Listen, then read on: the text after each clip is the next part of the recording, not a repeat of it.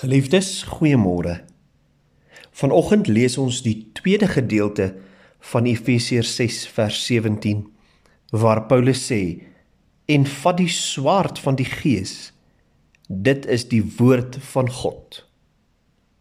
Neem die swaard op in die geveg teen die bose." Nou die swaard as 'n aanvalswapen is baie goed bekend. Niemand van ons twyfel of wonder as daaroor 'n swaard gepraat word nie. Om die swaard as metafoor vir God se woord te gebruik is ook nie 'n vreemde verskynsel nie. Hebreërs 4 vers 12 sê die volgende: Die woord van God is lewend en kragtig. Dit is skerper as enige swaard met twee snykante en dring selfs tot die skeiding van siel en gees, gewrigte en murg Dit beoordeel die bedoelings en gedagtes van die hart.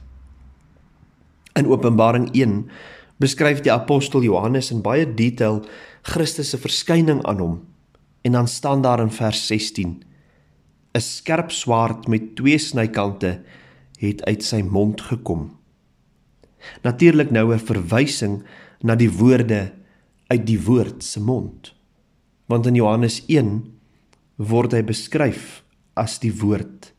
In die begin was die woord daar. Die woord was by God en die woord was self God. En hier in Efesiërs 6 vers 17 sluit die apostel Paulus die woord van God, die swaard van die Gees by die wapenrusting vir ons geestelike oorlogsvoering in. En 'n kragtige wapen is dit beslis, liewe vriende. Tot dusver was ons besig met 'n hele klomp defensiewe wapens. Die dinge waarmee ons onsself kan verdedig en mee weerstand kan bied. Die swaard is egter 'n aanvalswapen, offensief van aard. Die wapen wat jy in die hitte van die stryd sal gebruik wanneer die geveg op sy velste is. Ja, daar waar jy met die vyand van aangesig tot aangesig te staan kom.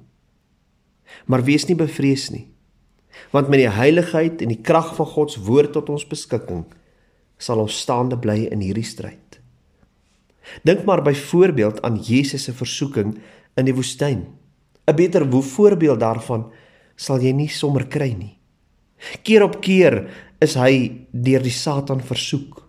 En keer op keer sien ons was die woord van God, die woord van sy Vader in die hemel, die antwoord. En wat 'n voorreg om daardie selfde woord tot ons beskikking te mag hê. Ja, deur die verkondiging van God se woord het ook ons tot die kennis van die waarheid gekom. Deur die woord van God weet ons van die verlossing, die redding, die vryspraak, geregtigheid, die genade en die oorwinning wat ons deel geword het deur ons geloof in die Here Jesus Christus. Oor al hierdie dinge het ons al in die afgelope paar dae gepraat.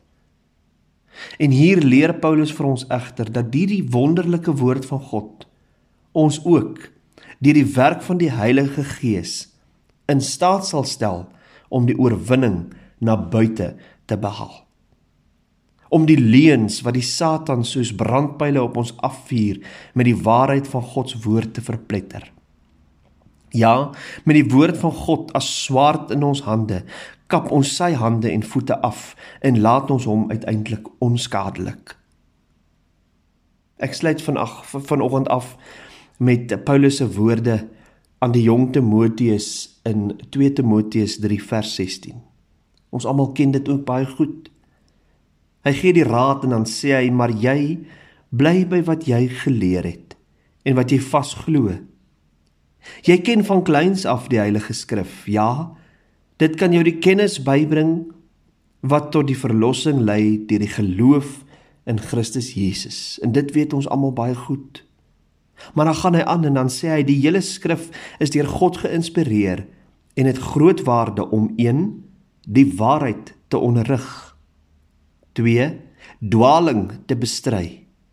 3 verkeerdhede reg te stel en 4 'n regte lewenswyse te kweek.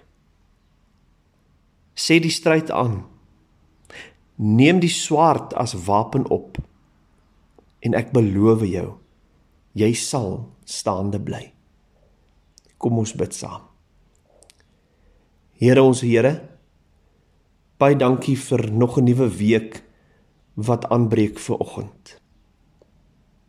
My gebed is dat U vir ons in hierdie week wat voorlê weer eens opnuut bewus sal maak van U wonderlike woord, die heilige skrif wat ons tot ons beskikking het.